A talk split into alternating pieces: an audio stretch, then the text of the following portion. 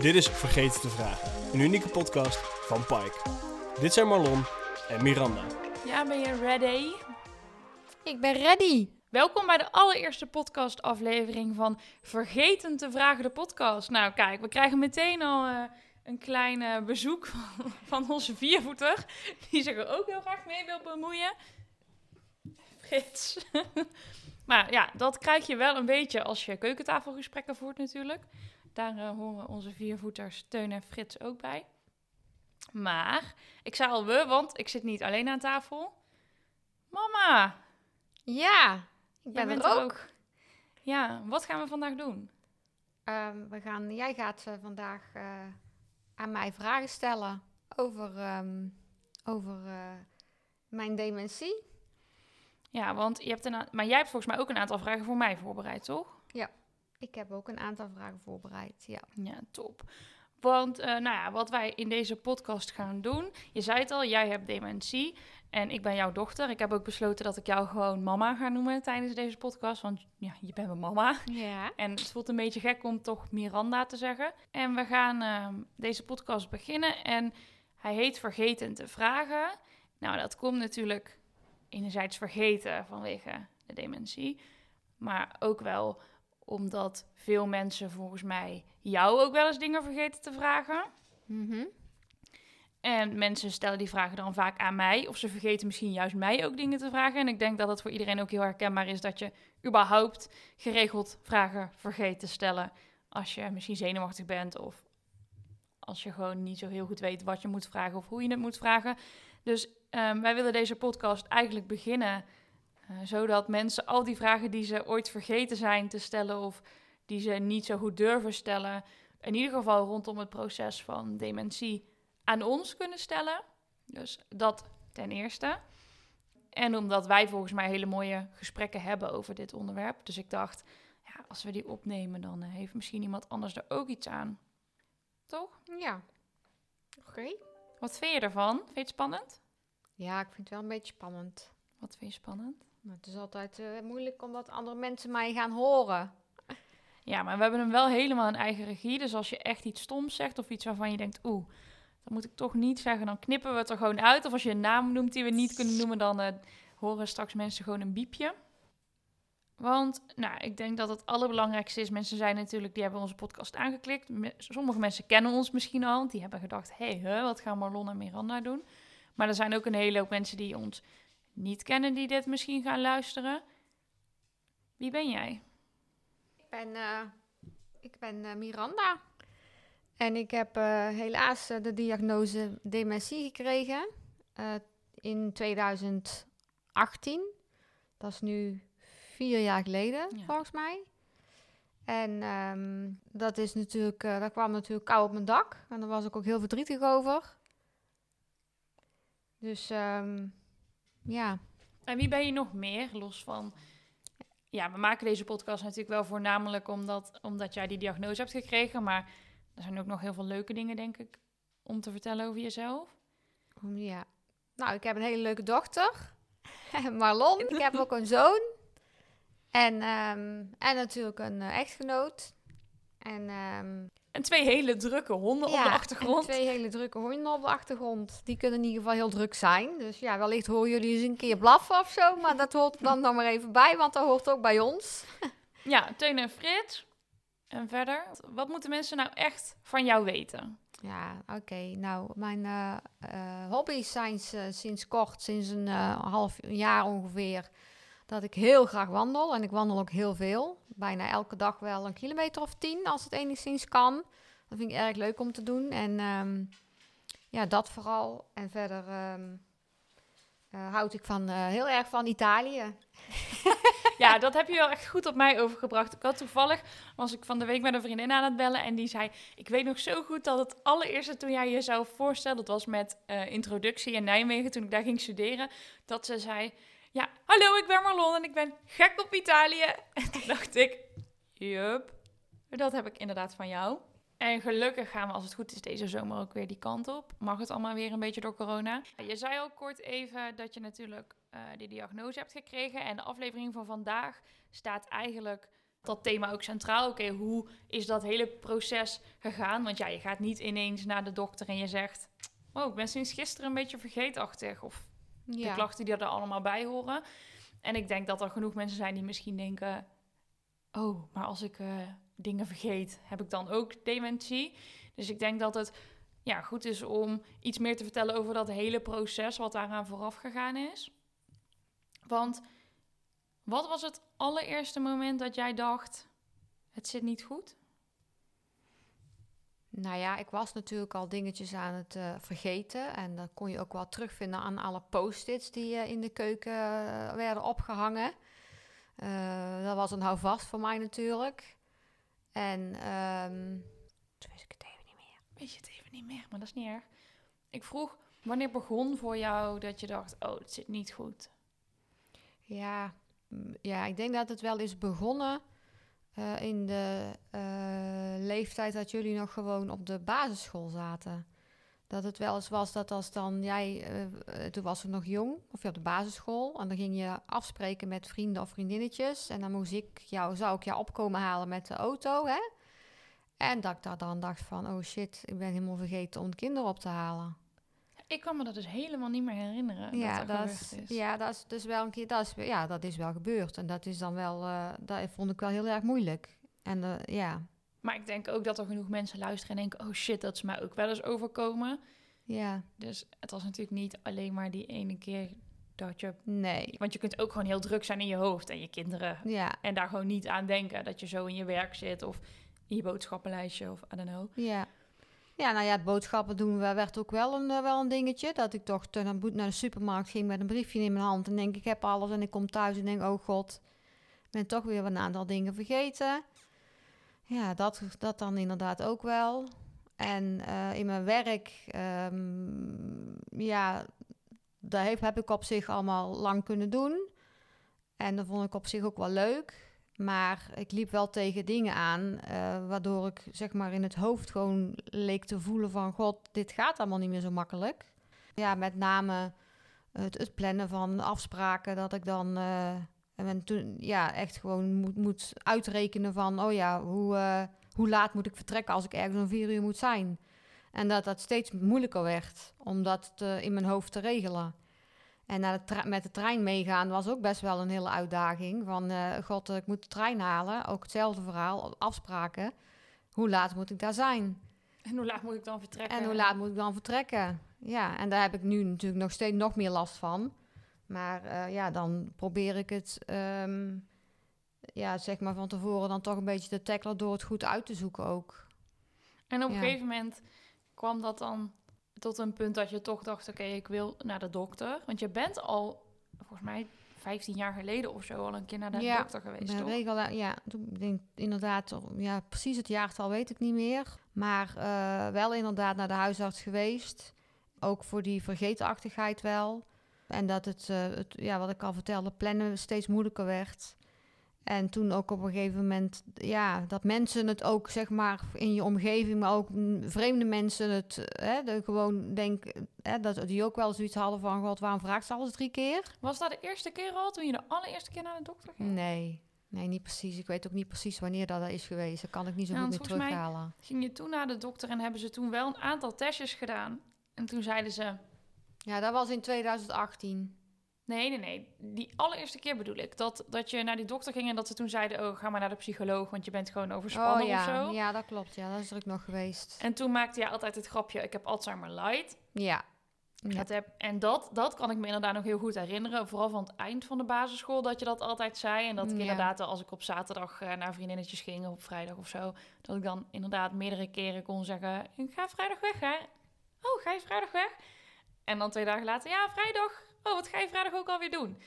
Maar dat je toen... en dat je later inderdaad... dat we die brieven wel eens kregen van de hersenstichting... en dat je toen vertelde van, dat je had laten onderzoeken... en dat je altijd grapjes maakte dan Alzheimer light... omdat er niks was uitgekomen... ja. En toen inderdaad op een gegeven moment dat je dat die klachten eigenlijk erger werden en dat je toen thuis kwam te zitten met een soort van burn-out. Ja, achteraf gezien blijkt daar volgens mij wel een wette burn-out te zijn geweest. Denk ik uiteindelijk een hele opeenstapeling van jaren dat je toch voelt van het gaat allemaal wat minder goed. minder goed, minder goed. En dan je werk vastloopt. eh, door, door dingen te vergeten en de druk die opgevoerd wordt en dat soort dingen. Ja, Maar ze wilden jou afschepen weer toen met... oh, dit is gewoon een burn-out. ja. En- Want dat hebben we nog helemaal niet benoemd. Maar ik ben net 26 geworden en jij bent... 52. Dus als wij praten over mijn basisschool... Nou, toen was ik 12, dus dat is Ja. gewoon al rustig... Ja, dat is dus echt al wel 15 jaar geleden of zo... dat je deze klachten al had. Ja, En toen inderdaad dat je... Nou, in 2018 ben je toen thuis komen te zitten. Toen werkte je nog ja. bij onze grote vrienden. Nou, laten we die dan niet, die dan niet noemen. Nee. Maar en eh, toen kwam je thuis te zitten in 2018. En toen zeiden Ja. ze inderdaad, oh, het is gewoon een burn-out. Want toen kreeg je inderdaad ook altijd die comment. Dat zeiden mensen ook altijd tegen mij.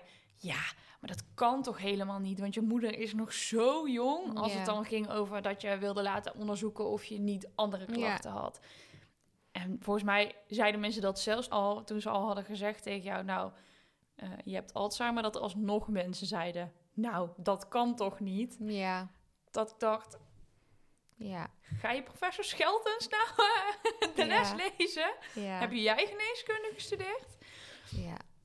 Want hoe ging dat? Want jij, jij kwam thuis te zitten met een burn-out. Ja, nou ja, ik ben naar de, inderdaad naar de arts geweest. Meerdere, meerdere keer naar de huisarts. En eh, uiteindelijk wilde ik gewoon per se weten wat was. Omdat ik het gewoon zoals in mijn hoofd voelde van het werkt dan. Het, het lukt gewoon niet meer.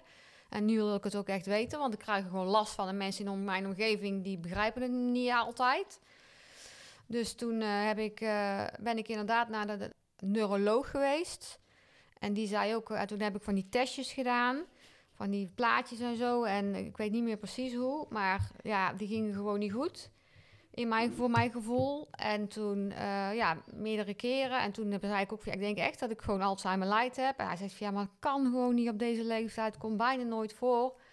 Hij zegt, maar eh, nou, over zes weken wil ik je nog een keer zien. Kijken hoe het dan is. Ja, mijn man werd er natuurlijk op een gegeven moment ook bij betrokken. Erv- ervaar jij dat dan? Werd, werd eh, ook gevraagd door die neuroloog.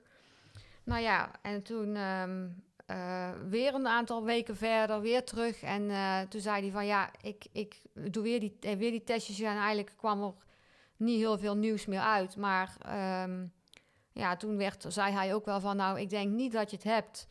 Maar ga het voor de zekerheid, ga ik het wel onderzoeken. Nou, toen heeft hij inderdaad, ehm, hebben we ruggenmerk, volgens mij hebben we toen ook inderdaad in het ziekenhuis hebben we toen hersenvocht afgenomen. Ja, volgens mij, als ik, zoals ik het me herinner, had je inderdaad eerst die neurologische test en die psycholoog, neuropsychologische test. En toen was het van, ja, er zijn wel wat waardes of wat scores of hoe ze dat ook berekenen die een beetje gek zijn. Maar ja, je hebt ook die burn-out klachten of overspannenheid of whatever. Ja. En ja, het is allemaal wel verwaarloosbaar. En toen zeiden ze inderdaad van, oh, dan gaan we volgens mij eerst die MRI. Ja, ja, en Maria. En daarvan was het ook van... Oh ja, het is wel een beetje gek, maar ja, mm, we denken nog steeds niet dat je het Ja. hebt. Maar, hm, en jij bleef inderdaad zo van, ja, maar ik wil het echt zeker weten. En toen pas inderdaad, toen ze het hersenvocht af gingen nemen, Ja, toen was het van... Oh fuck, weet je nog dat we zeiden dat het eigenlijk niet kon? ja, en toen hebben we ook nog een second opinion gehad in het VU. Ja, want, toen zeiden want ze die, dat Want die neuroloog in, in Tilburg, die eh twijfelde ook gewoon heel erg. Hij zei, ik denk het gewoon niet, maar ik wil second opinion. En toen hebben ze het, in het inderdaad in het VU eh, gekeken. En kwam dus inderdaad het, het boodschap dementie er wel, wel uit. Ja, en toen mocht jij naar die beroemde Alzheimer-professor in Nederland. Ja, toen werd de professor, ja de naam niet noemen, maar die werd mijn neuroloog. Nou, mag- mogen we dat niet noemen? Wil je dat niet? Ik weet niet of hij dat niet zelf niet wil. Nou, ik denk dat ongeveer eh, al dit soort cases komen denk ik op zijn bureau, Ja. toch? Al Ja. dit soort eh, vragen denk ik dat bij hem terechtkomen uiteindelijk. Nou ja, we kwamen inderdaad, toen werden we, hebben we een gesprek gehad bij, in eh, Amsterdam, in het VU, met de neuroloog professor Scheltes. En die bracht dus de slechte boodschap van, nou ja, het is inderdaad waar. Ja, dan staat dus je wereld op zijn kop en dan slaat het verdriet in heel het gezin toe. Vind je het dan nu ook nog moeilijk om daarover te praten? Als ik het zo heel erg voel, weer wel, ja. Dat snap ik wel. Want zo kun je wel terughalen. Ik heb dementie, maar ik weet nog precies hoe het zit. Ja.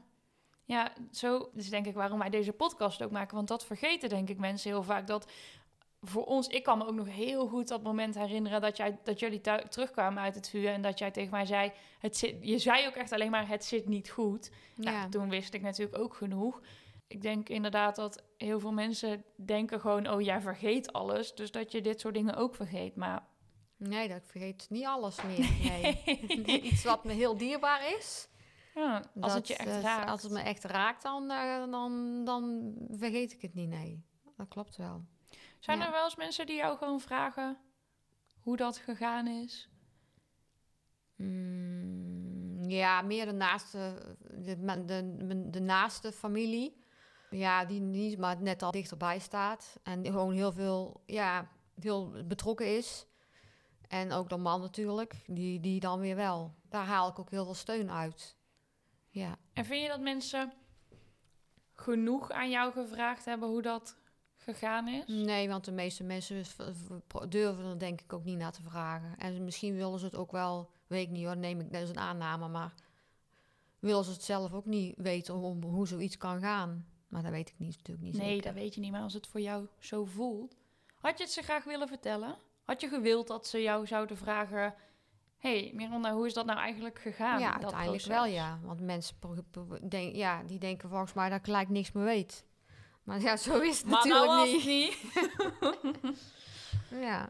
Toen hebben we ook nog zo'n genetisch onderzoek hebben we, heeft hij gevraagd of ik dat, of we dat wilde doen. En, eh, en dat is ook helemaal uitgezocht naar een of andere bepaalde ehm, stof. Maar dat bleek het dan ook, begin, beloof, ja, dat begin, weet ik niet meer. Iets Ja, met volgens een- mij een had jij gewoon- Een epu-gen, dat had ik niet. Volgens mij had jij gewoon hele dikke vette pech. Ja, dat werd ook genoemd, ja. Dat het op, mijn, op, op de leeftijd die ik heb, eh, waar ik de diagnose heb gehad, dat ik gewoon vette pech heb. Ja, omdat je normaal toch altijd ook ouders, of in ieder geval moet het in de familie zitten dat, dat het zo jong gebeurt. Ja, En, nou ja, het zit bij ons wel in de familie, maar niet zo jong. jong, nee, dat klopt. En, en als we dan nu zo naar dit verhaal, zeg maar naar dat hele stuk terugkijken. Wat zou je dan nu meegeven aan mensen die toch twijfelen of ze zich moeten laten onderzoeken of ja, over de dingen waar zij mee struggelen tegenaan lopen? Ja, dat vind ik heel lastig. Dat is natuurlijk voor iedereen verschillend. Ik wil het gewoon per se weten, omdat ik, omdat ik eh, zeg maar de bevestiging wilde hebben van ik heb gelijk. En niet dat mensen gewoon dachten van ja, het is gewoon een beetje de G80, zijn we allemaal wel eens. Maar het, het wordt zo een beetje zo weggewimpeld van eh, ja, dat kan toch niet, want je bent pas 52. Want ik was 50 Je toen was de dia- 49. 49 toen ik de diagnose kreeg. Ja, en 9 van de 10 keer is het het dus ook niet. Is het inderdaad gewoon een overspannenheid of burn-out of volgens mij depressieve klachten passen ook bij vergeetachtig zijn. En dus het is ook niet zo dat mensen die nu luisteren en denken, oh, ik plak, ik schrijf ook dingen op post-its of ik ben ook wel eens mijn kinderen vergeten op te halen of ik vraag ook wel eens dingen drie keer dat die meteen moeten denken, oh god, ik moet naar de huisarts, want zo Mhm. zwart-wit is het natuurlijk ook niet. Nee, maar het is wel. Ik, merk, ik denk wel dat het de, de, de, de depressiviteit, die heb ik natuurlijk ook een behoorlijke tijd wel gehad. F- Er, tenminste zelf ervaren. En dat was ook wel een rode draad in het hele verhaal. Dus ja, ja het is gewoon uiteindelijk. ehm, ja, ja, dit is het even voor nu. Dat is goed. Ja. Had je gedacht dat. Nee, ik moet het anders zeggen. Jij hebt echt in je, tot in je diepste vezel gevoeld: dit zit niet goed. Ik, ik Ja. wil dat dit onderzocht wordt. Hoe kijk je dan naar dat moment dat ze het hebben onderzocht? Eh, zeg maar, ja, we weten niet precies wanneer dat was, maar zeg 15 jaar geleden. En dat, je toen, dat het er toen dus niet was.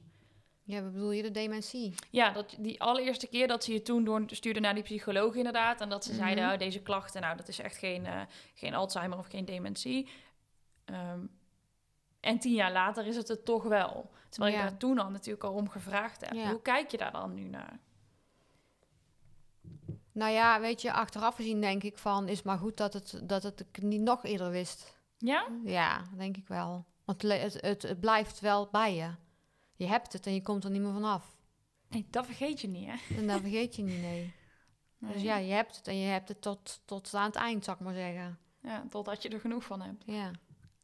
En is er veel veranderd voor jou na de diagnose? Nou ja, daar heb ik hier ook staan. Het was een soort van opluchting van wel. En, en ook gewoon, zie je wel. Zie je wel dat ik het gewoon aangevoeld heb. En niemand wil naar mij luisteren. Hè, ik bedoel, artsen hebben zo lang alles uitgesteld. Neuroloog ook nog zelfs. En, en ja, ik heb volgehouden om het gewoon, zeg maar, ehm, uiteindelijk daar het antwoord te, te hebben. Te willen hebben, ja. En dan komt er antwoord. En uiteindelijk geeft dat dan wel rust. Want de, de strijd die je met jezelf maakt van hoe komt het en wat heb ik en niemand wil het hebben en mijn gekscherende ik heb Alzheimer light, wat ik zo lang heb geroepen. Ja, misschien, ja, dat, ja, misschien had ik het niet moeten roepen, maar dan was, het, Nou, nog, dan niet. was het er nog geweest. Ik denk niet dat het leven zo werkt dat als jij niet had geroepen dat je. Alzheimer lijkt had, dat je het dan dat je dan nu niet. Ja, Ja, hier zat zeg maar. Ja. Ja, gek dat, dan, dat het dan ook een opluchting is of zo. Het is een opluchting dat het voor iedereen inderdaad gewoon weet, het is zo. Dus aan bepaalde dingen kan ik niks meer doen. Ja. aan mijn geheugenklachten en dat ik dingen vergeet, dat is nou bekend waarom ik het vergeet. En anders was het ook wel van, ja, ben je nou weer vergeten? Ja, dat snap ik wel. En als je dan nu daar zo op terugkijkt, zijn er dan dingen waarvan je denkt: oh, maar dit had ik toch wel anders gewild? nou ja, anders gewild. Niet zozeer van, ik, ja, tuurlijk, je had het liefst die diagnose niet gehad. En je had het liefst gehad dat dat het niet was, dat daar gelaten. Maar gewoon in dat proces en hoe dat verlopen is en hoe dat gegaan is, zijn daarin dingen waarvan je denkt: oh, dit had ik. Hadden ze, hadden ze dit maar anders gedaan? Ja, dat weet ik eigenlijk op dit moment niet zo heel goed. Dat mag. Dat is ook een antwoord. Nee, ik zou daar niet zo... Ja, ik denk, ik denk het niet dat ik het anders had... eh, Ja, ik denk het niet, want voor mij was het gewoon ondoenlijk. Het was voor mij niet meer draagbaar om het, om, om het niet te weten. Nee, precies. Het is niet zo dat je het niet had willen weten. En in principe is er in het proces. Want ik weet nog dat de artsen zelf ook gekeken hebben naar die vorige keer dat je, die allereerste keer dus dat je in het ziekenhuis was. En dat zij dus gezegd hebben, ja, we hadden het toen ook echt niet kunnen weten. Er was toen echt geen aanleiding geweest om het verder te onderzoeken of om te denken dat je toen al Toen ik Alzheimer had. 49 was. Ja, nee, daarvoor nog. Dus die, 48. nee, ik bedoel toen die, zeg maar, die eerste testen 15 jaar geleden. Oh. Ja. Nee, dus eh, ik denk niet dat ik het heel veel anders... eh, sneller die diagnose ook niet, denk ik. Nee. Zit je nog eerder met de gebakken peren? Ja, precies. Dus eh, dat... Ja. Ja. Ja, want het is nu natuurlijk toch wel een klein beetje een interview setting geworden. Omdat ik jou dit in ieder geval wilde vragen. En wij hebben het natuurlijk heel veel over gehad. En ik ben er onderdeel ook van geweest. En ik wilde dit graag. Ja, we, we hebben het samen natuurlijk bedacht. Oké, hoe willen we, de, willen we die podcast gaan doen? Hoe willen we dat het eruit gaat zien? Wat willen we bespreken? Nou, en volgens mij is dit wel het allereerste begin van ons verhaal. En er is niemand die dat beter kan vertellen dan jij, denk ik. Mhm. En sowieso, ik denk ook dat mensen dat nu al wel ervaren hebben. Ik heb dat in het begin niet gezegd, maar ja, jij hebt Alzheimer, maar je kunt super goed vertellen over hoe je je voelt en wat je ergens van vindt. Je bent gewoon, je kunt heel goed van je woorden afkomen. Dus we kunnen, mensen kunnen het aan mij bij- blijven vragen, maar jij kan zelf ook prima antwoord geven. Ja.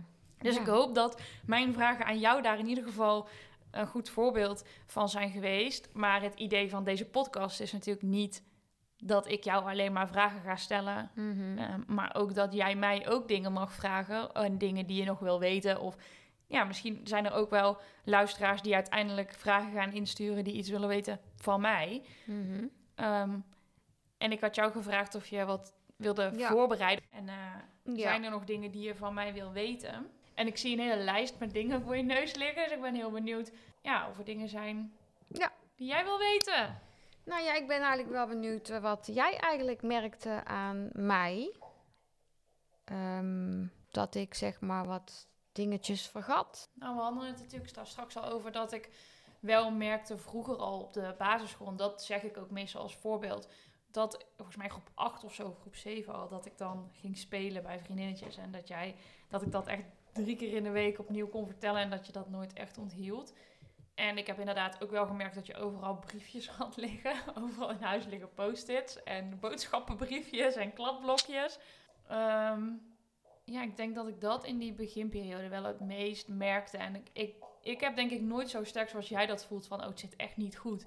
Ik denk niet Mm. dat ik dat ooit zo gevoeld heb, maar ik wist wel dat jij dat heel erg voelde. En daar vertrouwde ik wel heel erg op. Dus ik weet nog dat in die periode dat, dat we die test aan het doen waren, ja, ja, zij met jou, dat mensen dan vaak tegen mij zeiden, oh ja, maar Manon, het valt toch al mee? Of, oh, dat weet je, ook een beetje dat zo wegwuiven en dat kan toch niet en het, dat is toch niet zo. En dat ik dan ook wel eens zei, nou, ik weet het niet. En dat mensen achteraf ook tegen mij zeiden, ja, ik was dat helemaal niet van je gewend. Maar toen je dat zo zei, toen dacht ik wel, oh. Ik dacht, ja, jij wist, jij zei gewoon, het zit echt niet goed. Mhm. En ik zag natuurlijk ook wel die briefjes en dat het steeds moeilijker werd met gewoon afspraken en gewoon het overzicht houden, denk ik ook vooral. Dus niet eens zozeer alleen maar En dingen koken. onthouden. En ook het koken. Ja, dat merkte, dat, dat was toen Dat ik zes keer naar die echt. pan moest kijken en zet terug naar die pan en weer het briefje kijken en weer terug en weer naar het briefje kijken en weer terug. Oh, dat pak van knol. ja, zoiets ja. Ja, maar ik, ik, ik kan me dat dus niet meer echt herinneren dat ik dat heel erg gemerkt heb. Of dat ik dat in ieder geval... Dat is misschien ook. Voor mij was dat gewoon heel normaal. Ja. Ja, dat hoorde gewoon bij jou. Dus ik, ik vond het wel opmerkelijk. Maar niet dat ik echt dacht, oh, er is echt iets mis. Want ik wist niet beter. Nee, nee. Kijk, en papa heeft dat dan niet. Maar papa zie ik ook nooit koken of afspraken maken. Dus ja. ja, Ja. dat is ook zo. Dan, dan kan je dat ook niet echt vergelijken. En je kunt dat ook niet vergelijken met andere moeders of zo. Dus ik heb dat Nee. nooit echt... Nee. Nee. Maar je merkte aan mij wel dat, ik, dat er iets niet helemaal goed zat. Maar had je daar, daar had je op dat moment nog niet echt zorgen over dan? Nee, want... Of was je er ja, verdrietig over? Of is het eigenlijk pas later gekomen toen het duidelijk was dat het dan toen waarschijnlijk wel? Ja, toen, het, toen, we, toen je echt die diagnose kreeg, toen vond ik dat wel heel lastig. En toen was ik er wel heel verdrietig om, ja. Ja. Maar Maar dat heb je niet echt met mij gedeeld. Met wie kon je daar dan, wel verder nou, over we hebben het er praten? wel veel over gehad ook. We hebben ook wel veel samen gehaald, hoor, mam. Ja, daar wel. We hebben wel veel samengehaald. Ja. Maar, eh, nou, ik denk dat dat ook wel een mooi, eh, een mooi onderwerp is voor een andere aflevering. We hebben het natuurlijk ook wel over gehad, over vrienden en over familie. Mhm. En ook wel het stukje van na de diagnose. ja. Ehm, maar als ik daar kort iets over moet zeggen, dan denk ik dat ik wel wat mensen had waar ik het ermee over kon hebben. En dat waren dan vooral vaak wel mensen die iets soortgelijks hadden meegemaakt. Of iemand met dementie, of iemand die eh, gewoon een ouder had, of iemand een direct familielid wat ziek was geweest en iets anders had gehad of zo. Maar jij ervaart dat heel veel mensen je dingen niet durven vragen of dat ze niet zo goed weten wat ze moeten zeggen of dat ze het gewoon niet begrijpen. Dat, dat is om mij heen net zo. Want ja. mensen van, nou toen was ik 22, 23. Ja, mensen van Dat is vier jaar 22 geleden. hebben ook geen, geen ouder met dementie of met Nee. Alzheimer. En die hebben dan soms wel opa's of oma's, maar dan krijg je van die rare vragen als... Oh, eh, maar herkent ze je dan nog wel? Dat ik Oh echt ja, denk, dat ja. vriend. ja. Wat denk je zelf? Dus ik, denk, ik merk wel, en dat had ik gewoon nooit echt verwacht, omdat ik wel enigszins kennis had van eh, dementie en Alzheimer en gewoon überhaupt ziektes. Mhm. Hoe, hoe dat in bij mijn leeftijdsgenoten soms heel erg tegenviel. Dat ik echt dacht, huh, maar dementie is echt een mega grote volksziekte. Eén op de vijf Ja. vrouwen krijgt dementie. Hoe kun jij zo'n vraag stellen of gewoon überhaupt geen idee hebben wat dat dan betekent? Ja, dat is wel gek. Ja, en dat had ik gewoon nooit verwacht eigenlijk. Dus ja, ik kon het er niet echt met die... Ja, met dat soort mensen kan je het er sowieso niet over over hebben. hebben. Maar we, ja, we hebben het er wel veel samen over gehad. En ik heb het er ook wel met papa over gehad. En ik had wel echt wel een aantal mensen omheen hoor, waar ik het wel mee kon bespreken. Ik deed Ja. toen, toen bestuursjaar, dus dat hielp ook wel. Ja, ja. Maar mooi onderwerp ook voor een keer een hele aflevering, denk ik, over vrienden en familie. Oh, ja, dat komt een andere keer. Ja, dat doen we niet nu. Nee, nee. Wat had ik nog? Maar je hebt verder... Je hebt ook nog wel, daarna ook nog wel hulp gezocht, hè? Je bent toen wel ook eh, volgens mij gaan praten bij zo'n eh De praktijkondersteuner. POH GGZ. Ja. Ja, omdat ik wel merkte... Ik werkte toen ook in de ouderenzorg. Mhm. nog. Ja, ik weet niet. En soms vond ik dat dan wel lastig of zo. Vooral waar ik heel veel moeite mee had, was hoe andere mensen dan omgingen met andere mensen met dementie. Dat vond ik gewoon heel vervelend. Dat er dan een, eh, iemand binnenkwam en die was dan in de war of die, die zei steeds hetzelfde, of die stelde steeds dezelfde vraag. En dat collega's daar dan een beetje lacherig over deden, of dat niet serieus namen, of vervelend deden. Maar ook juist die mensen die daar werkten, die vroegen mij ook wel geregeld hoe het wel met me ging. Dus omdat zij het dan ook vaak wel juist weer begrepen. Dus het was een beetje Ja. een soort van tweestrijd of zo.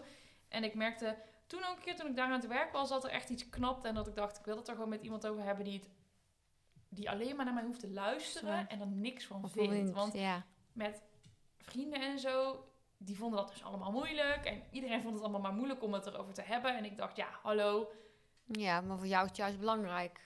Ik dacht, moet ik dan de hele tijd me zorgen maken over dat jullie mij niet begrijpen en daar al mijn energie in stoppen? Dat lijkt me echt omgekeerde wereld. Dus Mm. toen ben ik inderdaad naar die eh GGZ, of uh, weet het, POH GGZ geweest. En dat was echt super chill. Ja, Daar ben ik wel zes, we- zes keer of zo, of acht keer maar nu niet meer, toch? Nee, nee, nee, daarna ook niet meer. Want toen kwam die andere vrouw Oh, die zo tegen mij zei... Oh, ik krijg er helemaal kippenvel oh van. ja. en toen dacht ik, holy shit, hier wil ik niet meer naartoe. Ja. Ja, toen, ja, toen ben ik daar niet meer. Maar toen had ik het ook niet meer echt nodig. Nee, had nee. Ik had gewoon iemand nodig die naar mij wilde luisteren. En Ja, Toen had er iemand naar mij geluisterd, dus toen toen was het goed, hè? Ja. Valt even stil, hoor. Ja, dat mag. Je hoeft je helemaal geen zorgen te maken. Alle tijd nemen die En hoe heb je dan, eh, ja, daar hebben we het daar al over gehad, over de fase van de diagnose. Nou, daar gaat deze aflevering over. En wat, dus. wat, wat, wat vond jij dan het moeilijkst? En was het voor jou ook een opluchting toen de diagnose bekend was? Ik vond het moeilijkst, denk ik, dat ik zeg maar dat ik jou natuurlijk heel verdrietig zag en dat het Mhm. gewoon het besef van oké, kijk, iedereen gaat een keer dood. Ja. Maar gewoon het besef zo van dat je ineens veel concreter Ja. weet dat je ziek bent of dat je iets hebt. Ja. Dat vind ik gewoon heel, vond ik heel naar. En gewoon, ja, ik weet niet, dat was wel gewoon altijd mijn grootste angst, dat jullie iets zou overkomen. Dus Ja, dat komt dan zo heel erg binnen. Dus dat vond ik wel gewoon moeilijk. Eh, ja, dat is ook een plekje geven en gewoon dat proces ook beter gaan begrijpen en wat dat dan betekent. Natuurlijk, ik wist wel iets, maar ja, dat daar veel over leren. Dus ik denk niet dat het voor mij echt een opluchting was, maar ik vond het wel. Ik merkte dus wel dat het voor jou een opluchting Ja, maar- was. En dat was ja. dan wel weer. Ja, dat kon ik gewoon wel begrijpen. Maar het was voor mij niet echt een opluchting. Ik had liever gehad dat ze tegen je zeiden: Het is Ja, gewoon een flinke burn-out. Ik weet even niet meer. Maar dat is toch niet erg. Als je geen vragen meer hebt, dan was dit gewoon het einde van de podcast. Dat mag ook.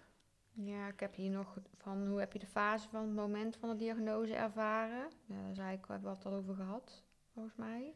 Ja. Dan is het meer het vervolg daarop wat ik dan heb eh, meer uitgelegd, wat ik hier termen heb genoemd. Wat het dan met je doet als je die diagnose hebt gekregen. Voor mij. Dat ik hier dan ook toen heb opgeschreven. Ja, dit is eigenlijk een beetje een herhaling, denk ik. Geen gehoor bij artsen, psycholoog bezocht. Moeten vechten om diagnose duurde lang. Spannende fase. Na diagnose wel een opluchting. Eindelijk werd ik gehoord. Wereld staat stil. Verdriet, ongeloof, waarom ik? Boosheid, onbegrip, toekomst. Notaris, euthanasie, testament, wilsbeschikking. Ja, dat was natuurlijk ook een heel moeilijke fase. Dat moet dan geregeld worden, liefst zo snel mogelijk. Want ik krijg de boodschap van professor Schelters, ga maar gelijk naar de notaris om alles vast te leggen. Ja, terwijl je daar eigenlijk, no ja, dat wil je eigenlijk niet. Maar ja, het moet dus schijnt dan heel belangrijk te zijn, dus wil je het dan toch allemaal meteen geregeld Ah, hebben. het was zo geregeld hier in huis, hoor. Ja. was er heel snel mee. Maar ik denk dat je met deze hele lijst wel een hele mooie opzomming hebt gegeven van alle dingen die we de komende weken of maanden Mhm. met elkaar willen gaan bespreken, toch? Dit zijn wel, dit is wel een grote greep uit de onderwerpen die Ja. wij de- waarvan wij denken dat ze in het proces heel belangrijk zijn. En eigenlijk ook de vragen of de onderwerpen waarvan we zeggen, nou, als mensen dit luisteren en ze hebben vragen aan jou, ze hebben vragen aan mij, ze hebben vragen aan ons. Misschien ook gewoon vragen die wij kunnen uitzoeken voor ze, dat ze ons altijd een berichtje kunnen sturen via onze Instagram of door te mailen naar info@vergetentevragen.nl. Hm. En dat we die ook graag meenemen, omdat we denken dat, ja, we, we weten dat er genoeg mensen zijn die in dezelfde situatie zitten als wij. En misschien al wel wat verder zijn. Ehm, dus laten we daar met z'n allen gewoon het gesprek over voeren, denk ik. Ja. Dus, nou, wij gaan denk ik afsluiten en dan eh, tot de volgende keer. Tot snel. En uiteraard, mam, willen we mensen, we willen mensen nog bedanken. Oh ja. Bedankt voor het luisteren. Tot de volgende keer. Ja, wij zijn eh, heel blij met jullie support. Dus eh, volg ons zeker op onze Instagram. Vergeet het te vragen. Heb jij nou vragen voor ons? Mail ons dan naar info.vergetentevragen.nl of stuur ons een DM naar de Instagram van Vergeten te Vragen. Het mag alles zijn. Wij zijn heel erg benieuwd wat jullie ook van deze aflevering vonden. Dus laat het ons weten. En eh, tot over twee weken.